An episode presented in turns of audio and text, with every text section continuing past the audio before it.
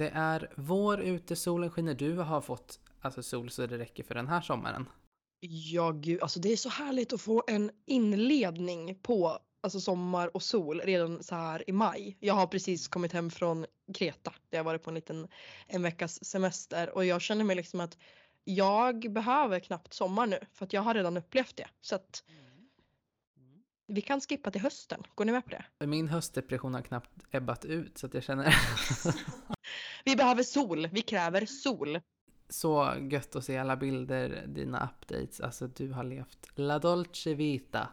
Alltså jag ska säga så här att jag har fått tio avföljningar på Instagram efter alla inlägg och alla stories. Ja, jag skojar inte. Alltså tio avföljningar.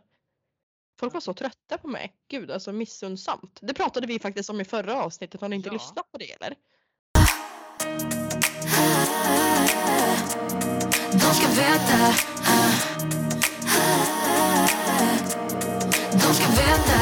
nu, alltså nu är sommaren här och det blommar och alla humlorna är ute. Det grönskar. Den blomstertid nu kommer. Ja, det... Och apropå kommer. Och apropå blommor och bin.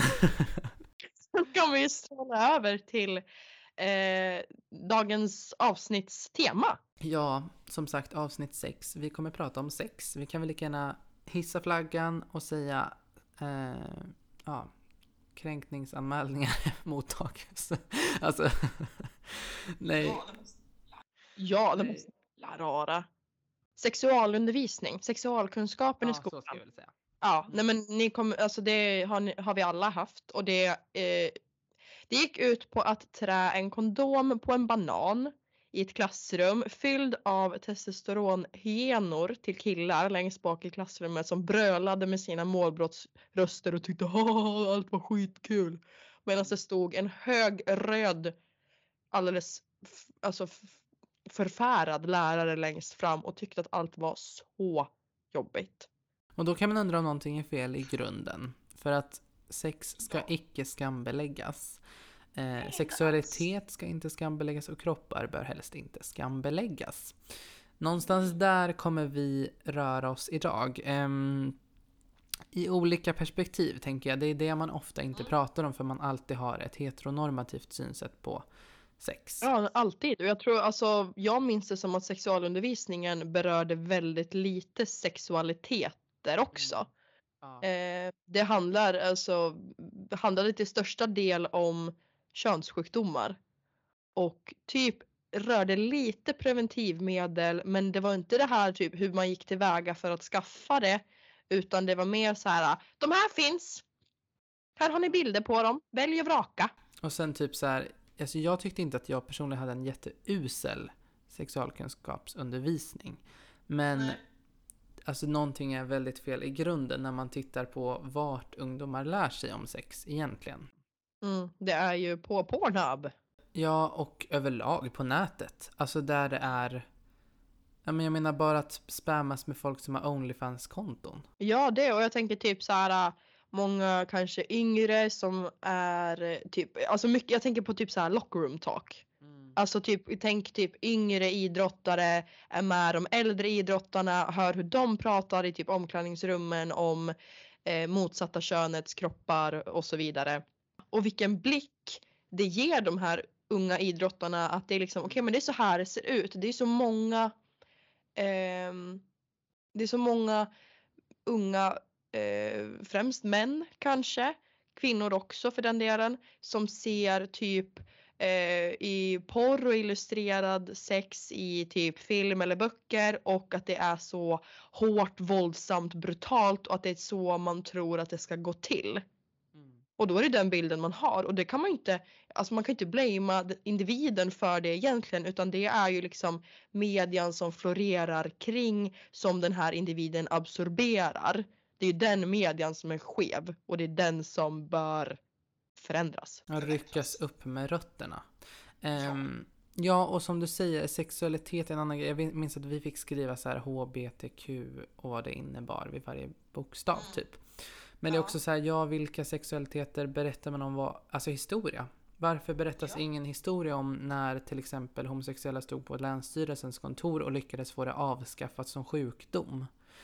Ehm, Precis. bara en sån alltså, historisk grej som kanske flera har hört av också. Var, Ja, varför lärs, lärs vi inte sånt i samma veva liksom? Och varför är det så att man sitter och fnissar istället för att känna liksom att ja, men det här är något så viktigt att jag måste lyssna? Och som du säger, varför lär man sig till exempel inte hur en graviditet påverkar en tjej?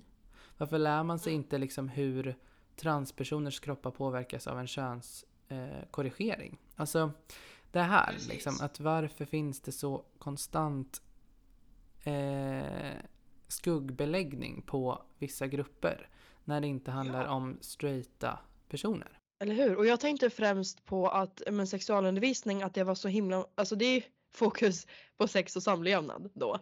Men det finns ju också eh, människor som inte vill ha sex överhuvudtaget. Alltså jag tänker på asexualitet. Det berördes ingenting. Eh, jag minns också att typ men, hbtq och eh, de eh, sexualiteterna berördes. Men typ lite mer, vad ska man säga? Jag tycker ofta att den gruppen förlöjligas. Det är som att det är så här, här målar vi regnbågsflaggan. Och man bara, alltså sluta sätta oss i ett fack. Vi är en grupp, ja. Ja. För att vi också inbegrips av hets mot folkgrupp i lagstiftning sen. Men det är också så att varför är det så, ja de här har sånt sex och de har vi här borta. Alltså du vet. Det är som att det är lite så här och sen avsexualiseras ofta hbtq-personer väldigt enkelt. Det är så här, det är så tydligt för vissa att det är så här, oj det är så himla sexuellt allting.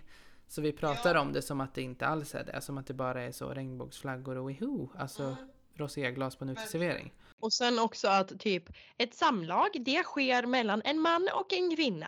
Mannen stoppar sin penis i kvinnans vagina och då har ett samlag utförts. Man bara vänta, vänta, vänta, vänta, vänta. Nu har du missat eh, typ hundratusen steg däremellan. Alltså det, det är inte ett samlag. Nej. Alltså nej. Det, det är så mycket samtycke. Vart berördes det? det jag, alltså jag minns ingenting om samtycke. Det var så här, ja man måste vilja det. Okej. Eh, om jag vill det först och sen ändra mig, är det fel då? Och framförallt så tänker jag att man inte pratar heller till killar så här att vad innebär samtycke för er och vad innebär det för tjejer? Alltså inte för att det är olika utan mer så här vad är er roll i det här? Ja, eller hur? För att det, det och, och sen också att samlag det är absolut inte alltid mellan en man och en kvinna heller. Och det pratas det väl, det är liksom det är den, det är den liksom delen av sex som man utgår ifrån. Det vill säga typ en promille. Vad gör man om, det märker, om man märker att den andra inte vill? Liksom. För jag läste ett citat på, på Instagram. En, en, jag minns inte ens vem det var som delade. Men det var så sjukt bra. Cred till den i alla fall. Att han hade pratat med en pojke som var så här, han bara jag frågade chans på min tjej och det gick inget bra. Hon sa nej.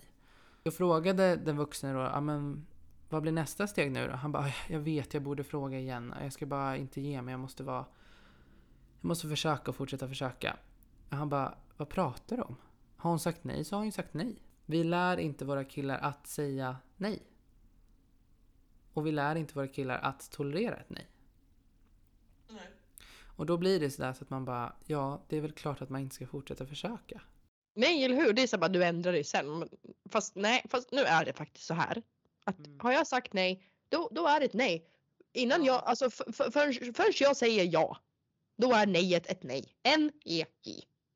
Ja och alltså för killar är det ju också inpräntat att en tjej säger inte nej. Liksom. Ja, nej, nej. nej, nej. Att det är så här, åh alla vill ha mig. Lite den inställningen. Och som du sa, locker room talk. Alltså hur många gånger jag personligen har hört helt vidriga saker. Eh, om tjejer som folk har legat med. Och man bara, alltså. Jag hoppas att du hade reagerat om någon pratade om dig så här. Men det är fullständigt normalt när man står i ett omklädningsrum liksom och häver ur sig både det ena och andra om vad man har gjort med någon och hur förnedrande det var för den. Alltså du vet, det är fullständigt absurt. Eh, och som du säger, det finns absolut en kultur kring det som bidrar i allra högsta grad till förväntningar hos speciellt killar och tjejer. För att tjejer kan också ha den här men gud och sen hände det, la la la la. Och nästan som att det är så här, men gumman ta för dig. Ja, Alltså- och, och så här, du vet du det bästa, vet du det bästa var? Jag fick komma. Ja. Och alla bara Vinglasen flyger. Och eh, ja. Ja, verkligen. Alltså du vet, mimosa-glasen alltså, går i kras. Ja. Löjromschipsen flyger. ja. Och man är så, men lägg av. Alltså ni målar upp en jätteförlegad bild av vad ett sex innebär. Ja. Och, de, och den, liksom, de personerna som använder den jargongen cementerar könsrollerna lika bestämt. Liksom. Man bara, men förlåt men det är ingen skräll att man som tjej ska få en orgasm. Nej, gud nej. Och jag vet, alltså, jag vet själv att, att jag typ har uttryckt mig så. Att det är typ Ja. vanligt också. Att det är, alltså det är liksom, det är alltså revolutionerande. Biologiskt omöjligt. Jo, Men det är så här verkligen, alltså the bar is on the floor. Mm. Och the floor is lava. Alltså mm, verkligen. Upp på stolarna! Upp på stolarna!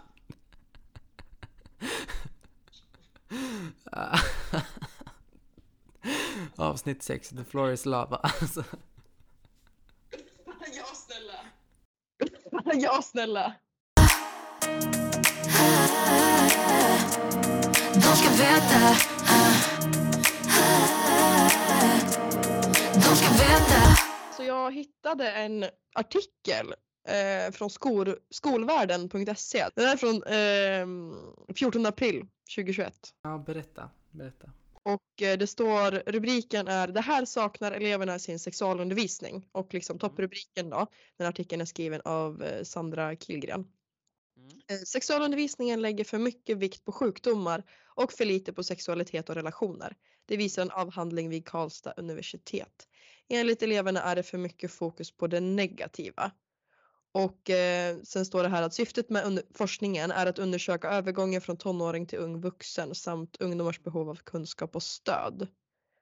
Eh, resultatet visar att skolans sexualundervisning lämnar mer att önska. Utöver frågor kring sexualitet saknar eleverna stöd när det kommer till relationer. Många tycker att mer av undervisningstiden bör ägnas åt frågor och diskussioner. Hur man tar kontakt, startar en relation, gör slut, hanterar destruktiva relationer. Säger då en eh, Brian Eunice som är universitetsadjunkt vid eh, Karlstad universitet. Och det var lite intressant faktiskt och jag tycker att det är bra också att eleverna ställer krav.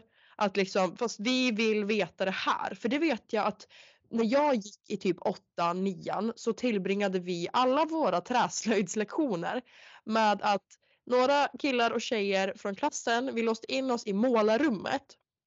Och sen där hade vi liksom frågestund mot varandra. Så så här, först fick tjejerna formulera en fråga och sen fick killarna formulera en fråga. Och det var mycket liksom typ Alltså kanske inte sexrelaterat så för att vi gick ändå i åttan så det var inte så mycket sånt utan det var mer om typ varandras kroppar. Så här, de, var, de var ju jättenyfikna på vad, vad är det för jävla cykel ni cyklar på en gång i månaden.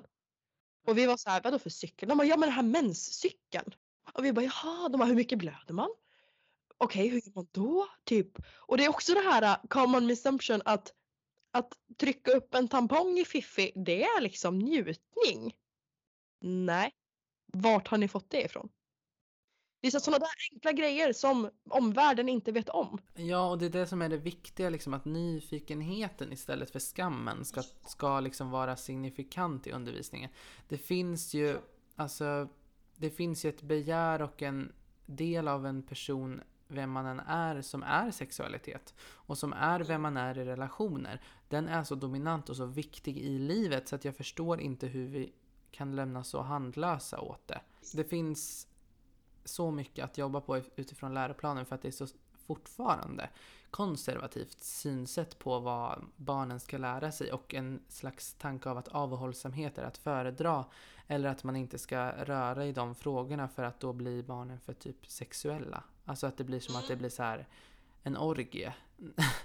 alltså, om man bara alltså... Rusrumsorgie här på Perslundaskolan. Ja, Persl- Perslunda! Nej, och jag, jag har också tagit fram lite råmaterial. Jag älskar ju Hampus Nessvold. Alltså hans karaktär, kassörskan Therese. Jag vill gifta mig med henne. Nej men det är jag på jobbet. Om ni någon gång har varit på en restaurang och sett. På en restaurang någonstans i Sverige, preskriberat vart. Eh, så kan ni ha stött på kassörskan Therese in real life. Har du sett klippet när hon säger syfilis och fysalis? Alltså, när man... Ja! Nej men jävla panten bara. "Mm, Heter jag Örj... Nej vad fan säger hon? Heter jag... Nej vad fan, vilket namn är det hon säger? Gö- Göran? Heter jag Göran eller? Gå till skärken. Nej men han skriver i alla fall lite så här manskollen med Hampus i sin bok Ta det som en man. Ehm, en väldigt, väldigt bra bok som borde bli läroverksbaserad tycker jag. Mm, och ingå i Maria Montazamis bokklubb. Verkligen, alltså vi instiftar den som liksom bibel där tycker jag. Ehm, men då skriver han liksom några så här, så här tänker jag kring kroppskomplex och det bästa med min kropp är la la la. Och sen har han någon som är liksom jag kramas utan ryggdunk med da da da. Ehm, jag skulle vilja kunna prata mer med mina kompisar om da da da. Man får fylla i själv då eller? Ja, precis. Det är som en liten koll man får ha på sig själv. Och skriver mycket eh, om sina egna liksom filter på världen som han lärde sig liksom. Och han skriver efter att ha uteslutit även porren som ett sätt att lära mig om sex och bli bra på sex fanns det bara en sak kvar. Att ligga, learning by doing. Eh, och det är väl lite så man lärde sig förr. Alltså det är klart att det fanns liksom mediala påverkningsapparater såklart. Men, men, och, men då var det också fumligare och man fick göra fel mer. Alltså det som pumpas ut nu på helt perfekta kroppar det är så här, det är ju helt alltså, verklighetsfrånvänt. Ja gud ja, det, är, alltså, det, spe, ja, det speglar en verklighet men det är inte den här verkligheten. Precis, och han har liksom ett kapitel som heter sex och då skriver han inte riktigt som jag tänkt mig. Gången då jag skulle gå ner på en tjej och fick näsblod över hela hennes underliv. Gången då jag råkade kalla en tjej för, för mitt ex namn mitt under akten. Gången då jag slaknade och halvt somnade mitt i akten. Gången då jag skulle gå ner på en tjej och var så nervös att jag började nynna på Harry Potter theme song.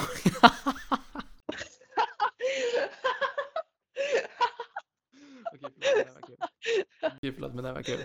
Na, na, na, na, na, na, na, na. Nej men han skriver mycket om det här, vad som förväntas kring sex. Han skriver om slutshaming, om samtycke och diverse grejer. Och den här är ju till för män. En oerhört, oerhört bra bok. Ehm, vilket också, vi ska inte hymla. Det är killar som är problemet när det gäller alltså problem inom det här området. Det är killar. Det är alltså uteslutande de som står för eh, lagstadgade anmälningar och fällande domar. Så att det, det ska man inte hymla om. Ska man inte sticka under stolen med och det, det vet ni. Det vet ni redan. Och, eh, men det bör, bör nämnas och bör eh, upprepas. Gång på gång på gång tills det händer någonting. Ja, och det är därför vi tänker att det är extra viktigt för ni killar som lyssnar att man faktiskt bejakar vad ens egen sexualitet är bortom förväntningar och bortom könsnormativa föreställningar. Liksom. För det finns ju också fortfarande den här både för män och kvinnor och hbtq-personer att all sex ska leda till reproduktion. Alltså att det ska bli ett barn av det och sen så ska man liksom göra det med den personen man vill bli förälder med. Mm. Ja, men det, det, var ju, det var ju så det gick till från början. Eller ja, det är ju typ så djuren gör. Eh, Men det är inte riktigt så det funkar va? Men det finns mycket djuren gör som inte vi gör. var det så lågen? Ja, verkligen. Den kristdemokrat som säger att så gjorde djuren, du kan väl gå ut och jaga din älg till middag också, tack. Ja, lite så faktiskt. Du får väl odla din egna gurka i ditt balkong. verkligen. Verkligen. På din balkong. Sex var en så... Alltså det är så här, sex är det bland det naturligaste som finns. Det har vi redan konstaterat. Det är en av de här basala behoven som faktiskt finns i behovsanalysen på en människa. Precis. Men jag tycker att också det här i sexualundervisningen i skolan att det var det, skulle, det är liksom så här, det är någonting privat, eller ja det är klart att det är privat men det är förbjudet, det är liksom så här, oh det är ingenting man pratar högt om, att det var liksom så här men, men det är ju någonting fint. Alltså är det med rätt person vid rätt tillfälle på rätt sätt så är det ju jätte, jättefint.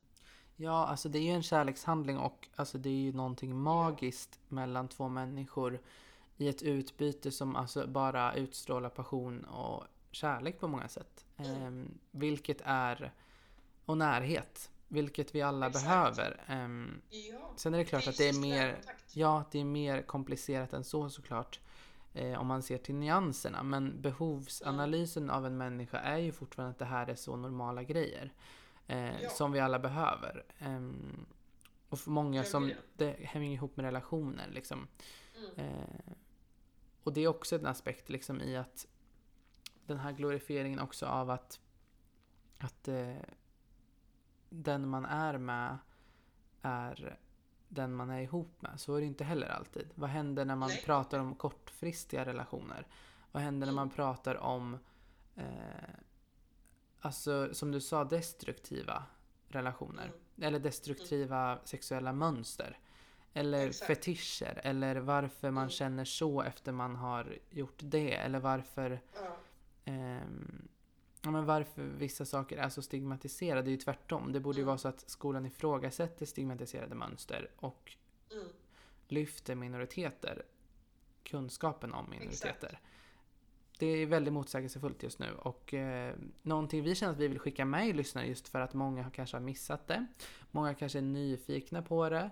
Eh, många kanske också tänker vad innebär det moderna liksom, synsättet? För man, det är, man matas med mycket. Man hänger kanske inte alltid Ja. med själv liksom. Nej, absolut inte. Och Det är mycket grejer, alltså mycket fakta, det är mycket med rapporter om eh, olika studier, det är mycket forskningar som är väldigt viktiga att ta del av. Jag eh, googlade ju runt lite, eh, letade efter lite fakta om ja, lite artiklar och så vidare för eh, det här ämnet och hittade en artikel eh, från SVT som eh, det här är från 7 januari nu i år 2022 eh, där Skolverket rapporterar om att sexualkunskapen i skolan ska göras om från och med höstterminen det här året 2022. Eh, och de nya frågorna är fokuseras kring maktstrukturer, porr och hederskultur bland annat. Och sen att sexualundervisningen byter namn till sexualitet, samtycke och relationer. Så det här, det här är jätteviktigt. Ja, ja, och, gud, och det här, den här, när den här nyheten kom så blev man ju så otroligt glad. Men jag vågar inte hoppas på att det faktiskt blir så. Ja, men framförallt så tror jag också att man måste väga in det i andra ämnen. Alltså i svenska, varför pratar man inte när man läser en bok, en film, hur gestaltas relationerna mellan mannen och kvinnan? Eller mannen och Precis. mannen, eller kvinnan och kvinnan? Eller varför eh, finns det maktstrukturer här emellan? Vad, vad innebär den här Exakt. passionen? Vad innebär den här åtrån? I noveller till exempel. Eller om man går vidare till historia, varför gestaltas inte det sexuella våldet som en krigshandling i länder? Varför pratar Ja. man inte om det? Jag minns på en historielektion att jag räckte upp handen faktiskt och frågade bara vad gjorde kvinnorna under den här tiden?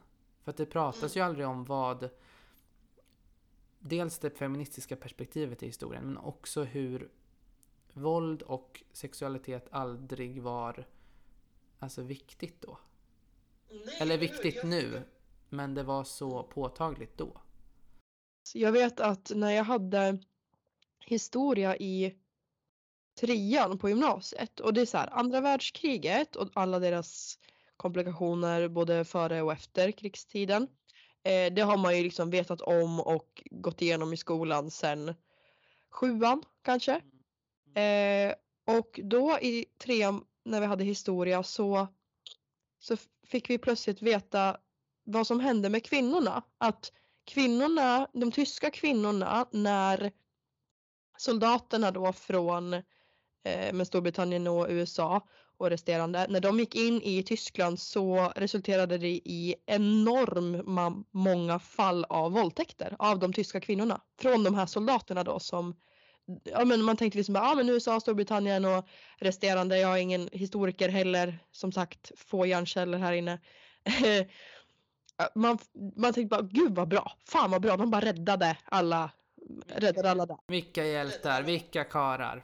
Ja, verkligen. De gick alltså in i Tyskland och eh, de andra länderna då, nu var det främst Tyskland som min historielärare berättade om, eh, och våldtog de tyska kvinnorna.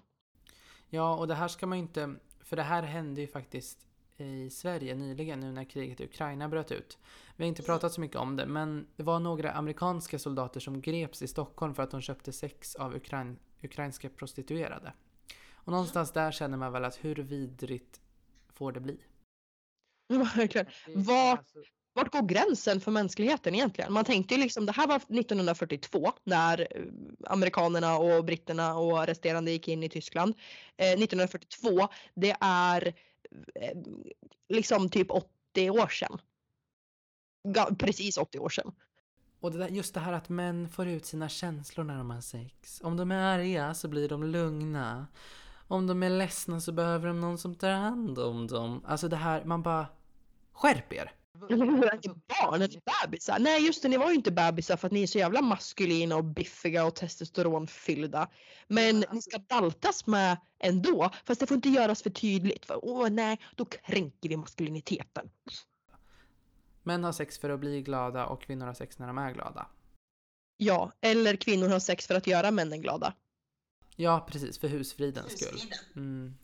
Nej, och det här, alltså det är så viktigt för att då tänker man men stackars pojkar, det var ju ute i krig, ni måste ju ta ut sina känslor på någon. Man bara, Ja, vad bra, men då, då får väl någon sätta livet till då, tack. Så, man får offra sig för att männen ska få lite, lite njutning. fysiska och emotionella ärr för resten av livet. Jag tycker det är så vidrigt och det här pågår hela tiden. Eh, den här, och just det här när sex blir makt. Eh, det är väl den delen jag känner att man verkligen skulle ha behövt prata om, när, både när det handlar om historia och faktiskt i vanliga förhållanden, i vanligt, alltså, ja men som du sa, för husfriden, det här hem, i hemmen liksom. Eh, för sex är också makt. Sex är ju också det mest biologiska man kommer åt typ. Eh, vilket gör att det blir en makthandling. Män är ju fysiskt starkare.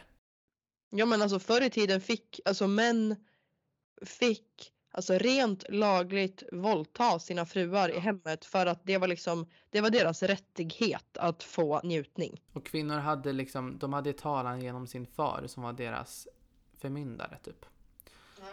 Eh, och hade någon kvinna haft sex frivilligt dock med en man i byn innan hon gifte så ansågs ju hon oren och smutsig och, ville sin, och fick inte giftas bort. Så det är så här, alltså kvinnor skambeläggs och män är så här, åh bra, nu fick han sig lite gött liksom. Eh, och så är det faktiskt fortfarande. Och det är en makt eh, som fortfarande pågår. Och när vi pratar om porr, bara en sån sak, att det ska vara hårt och dras i hår och grejer. Eh, Alltså det är en maktgrej, det är ett maktutspel. Och det tycker jag verkligen att man måste problematisera. För vad är det som gör att killar tar ut sin makt och sina känslor på en annan människa i ett samlag? Det är så, alltså det är så skevt och sånt förekommer ju liksom hos homosexuella också. Eh, och kvinnor också liksom som kanske tvärtom också eh, utövar sin sorg och sin smärta liksom och blir väldigt så här emotionella när det handlar om fysisk närhet eller som har traum- trauman liksom. Mm, Ja, jag menar det. Och det, alltså det, det ger ju en skev bild för alla, för de män som kanske känner att nej men jag känner väl inte att jag vill dra den jag ska eh, ligga med i håret eller slå henne i ansiktet men jaha okej ja men det, det är så man gör då och säger jag till grabbarna sen att jag inte har gjort det då kommer de skratta åt mig för att då har inte jag haft sex på, på, på riktigt då. Det blir ju så här, det blir skit, alltså det blir jätte, jätteproblematiskt. Allt, alltså allting, det är en sörja. Också att så här i grabbgäng så är det en statusgrej. Hur många man legat med, när förlorar man oskulden? Alltså, tänker på Kristina Wenstams del i podden när hon läser vad en man, synonymer till vad en man, nej inte hennes podd, hennes eh, sommarprat. När hon läser upp synonymer till eh, vad man kallar en man som haft sex med många kontra vad man säger till en kvinna som har haft sex med många. och den börjar i skolan. Förlåt. Men det är också så här, man lägger också över alla preventivmedel på tjejer. Och man lägger över en undervisning där man bara lär alltså skräm, skrämselpropaganda nästan. Eh, där det är så här, de här könssjukdomarna finns och ni skyddar er tjejer på det här sättet typ. Mm, ja men det var ju som de sa i artikeln som jag läste upp tidigare eh, från skolvärlden att eleverna vittnar om att det fokuseras alldeles för mycket på det negativa och det negativa i det här fallet blir ju då eh, könssjukdomar. Som också tjejerna också ofta får ta ansvaret för. Eller, eller graviditeter som man inte vill ha eller så. Precis. Så att män som typ köper sex, alltså vi har varit- inne på det, vad är det som gör att de gör det? Det är liksom inga trasiga eh, hemlösa som gör det. Det är liksom framgångsrika säljare och framgångsrika affärsmän som gör det. Och det, det är viktigt att förstå liksom att den här makten som män vill utspela, eh, det är den som skadar. Och det är den machokulturen, alltså det är essensen på det. Eh, också att pappor med tre olika mammor, då är det så här, ja men det är väl liksom fine. En kille får ligga runt. Som du sa, ja men en liksom Casanova och heter det? Hingst. Igor och hingst liksom sådär. En dalahäst. Ja, och att hon alltid blir gravid med hans barn. Man bara... Det är väl bådas barn? Ni har, ni har fan bakat samma kaka där, hörru du. Och han har inte gett henne en gåva. Nej Alltså, men snälla rara, det är lite glasyr bara, sen bakar hon resten i sin egen ugn. Verkligen, det är liksom... Det är ju, ja, nej det är så vidrigt egentligen när man tänker på maktstrukturerna i de orden bara. Och hur man ser på liksom män och kvinnors, alltså överlag, så här, syn på graviditeter, syn på sexualbrott. Hur män ser på en våldtäkt jämfört med hur kvinnor ser på en våldtäkt när de berättar om det. För män är ju ofta, eller inte alltid, men det sker ju alldeles för ofta, så ska jag väl säga. Att män är så här, när de hör om ett mord på en kvinna eller en grov våldtäkt så är det så här, fast inte alla män. Man bara, förlåt men det är typ kvinnohat att säga inte alla män när en kvinna har blivit mördad av en man. Mm. Det är så här, okej vilket bra fokus du väljer att... Ja, hur kan du känna dig anklagad? Ja verkligen så har du också? Nej okej men då kanske vi ska utreda dig också för du verkar vara väldigt benägen om att säga inte alla, inte jag. Varför måste du försvara dina brorsor? Alltså varför måste du liksom... Det är precis som att det jag gör ska inte skambeläggas bara för att de gör ännu grövre saker. Det är ju någonting liksom i det där. Ja, Och he- lite det är någonting hela tiden. För fan, Ja, gud, jag, blir bara, jag blir bara arg. Usch, jag kommer börja gorma och gapa snart. Det är därför jag inte har rört abortfrågan. För vad som pågår i USA just nu, det gör mig så förbannad så jag känner blodet koka i mina ådror. Så jag, tänk, jag, tänker inte ens, jag tänker inte ens gå dit. Pro-choice bara. Punkt. Det är Handmaid's Tale rakt av. Tyvärr. Ja, alltså har du sett bilden när den jäveln håller upp typ lagstiftning? Man bara, hur fan kan du vara nöjd? Hur fan kan du vara glad över det där? Och så röstar de ner stöd för kvinnan då som tvingas föda det här stackars stackars barnet. Må de brinna i helvetet. Allihopa. Alltså det är, det är de, det är ni som kommer till helvetet. De ska veta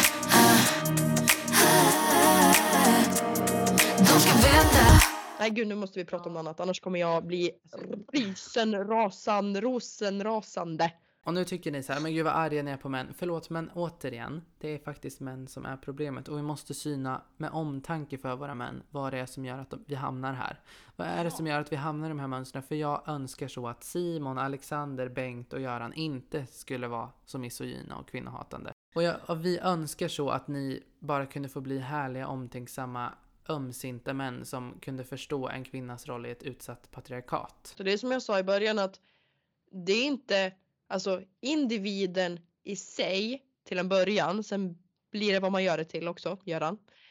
Eh, det är inte individen i sig som är problematiken utan det är just liksom omvärlden och media runt omkring som påverkar och eh, sätter spår, sätter, ja förstärker, tack, bra ord. Det är där vi jag börja och jag, problematiken ligger i att lärare har ingen del av liksom läroplanen, sin, liksom sin undervisning i sin tur har inte eh, rört sexualkunskap, sexualundervisning.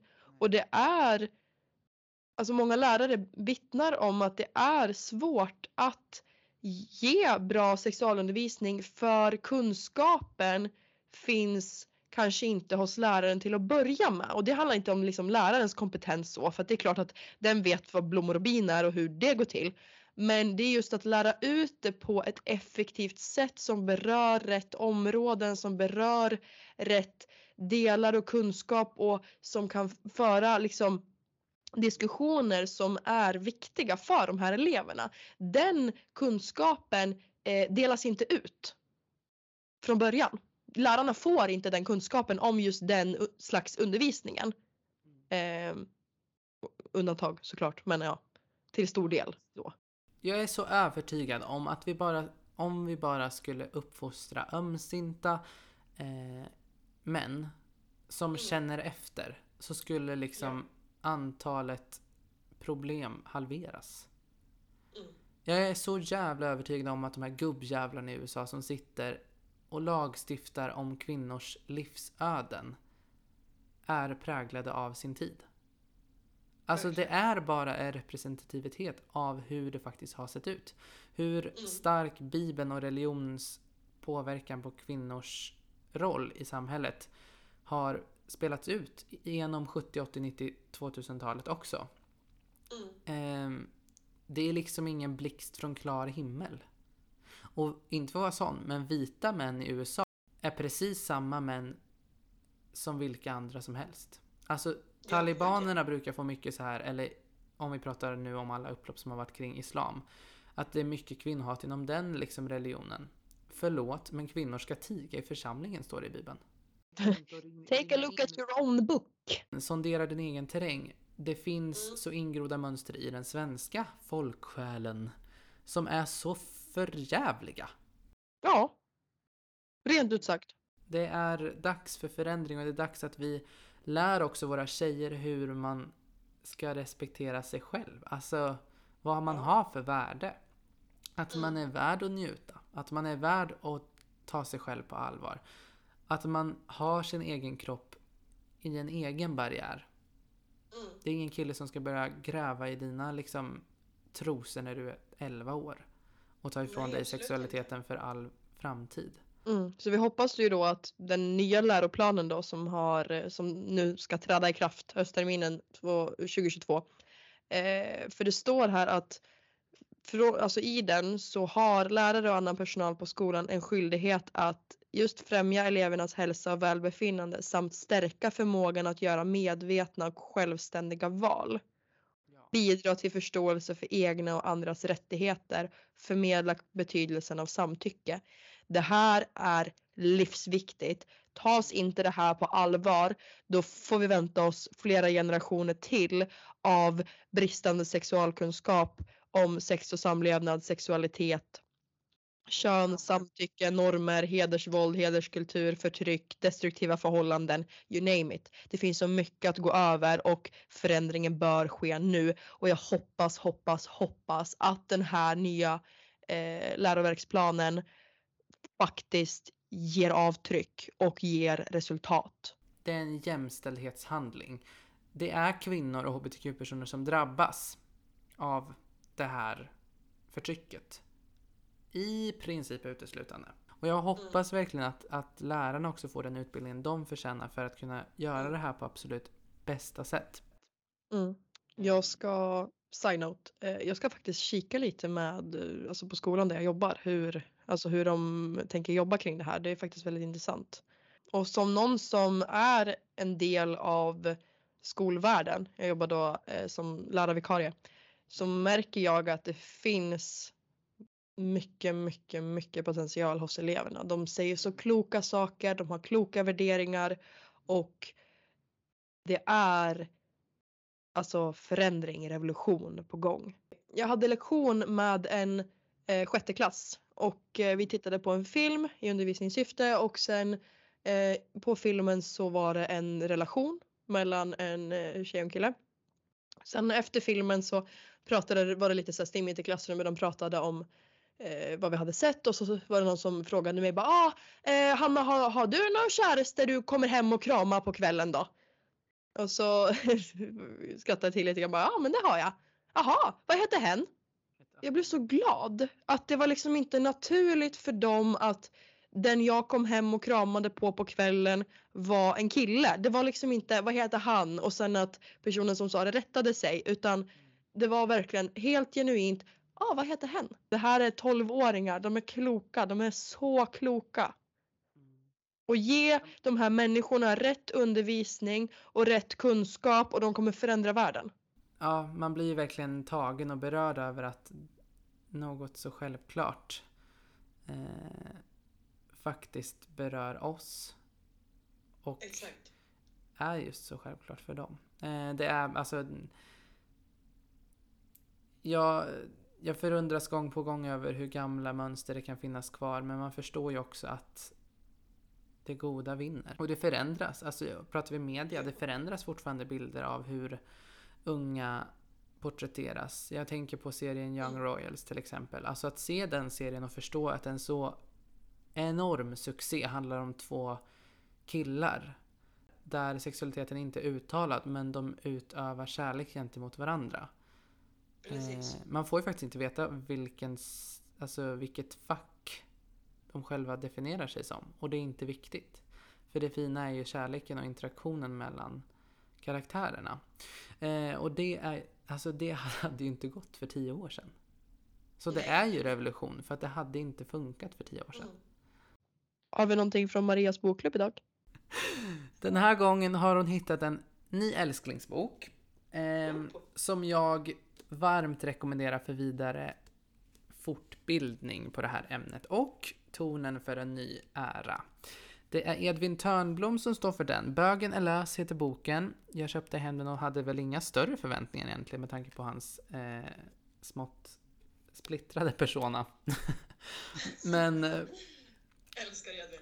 Ja, jag älskar också honom. Och satt faktiskt och kollade på Nyhetsmorgon när han promotade den och började typ grina. Jag vet inte om jag har berättat det, men det är så jävla häftigt när någon tar företräde för en så viktig fråga för så många.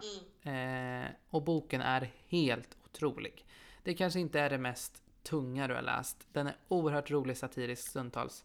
Men framförallt väldigt utbildande och viktig för att den ger eh, sådana som Edvin en röst. Så kan vi väl säga.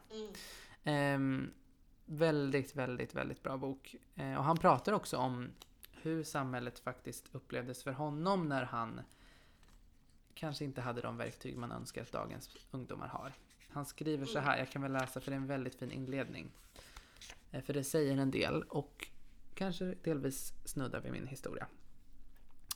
Det finns en gata vid radhuset där jag växte upp. Den är ungefär 100 meter lång och där ligger kanske 30 olika hus. Mellan garagelängorna finns en äng omringad av skyhöga träd med löv som prasslar när vinden gör sitt. På sommaren ställer någon av papporna ut blomlådor med reflexer för att hindra bilarna från att åka för snabbt och riskera att köra på barnen som leker och cyklar i området. Min högsta dröm var att bli påkörd av en av de bilarna. Så det är en väldigt eh, stark berättelse stundtals. Eh, och jag tycker att det är en skyldighet att läsa den här boken. Verkligen. Veckans rekommendation alltså, Bögen är lös av Edvin Törnblom. En fantastisk hjärtevärmande litterärt verk. Ett glas vin och en bok, alltså mm, varsågoda. Kvällsaktivitet för hela veckan kan jag säga. Ja, vi hoppas att det här kan bli samtalsämne runt flera middagsbord eh, efter att ha lyssnat på det här. You are the shit. Ja, ni är med oss! Hallå! Och vill ni använda er röst desto mer så finns det billiga megafoner på Dollarstore just nu såg jag. Nej men följ oss på Instagram för mer info, för mer content, för mer, alltså bara feel good. Tack för att ni har lyssnat. Vi hörs igen när ni minst anar det. De ska veta nunca venda.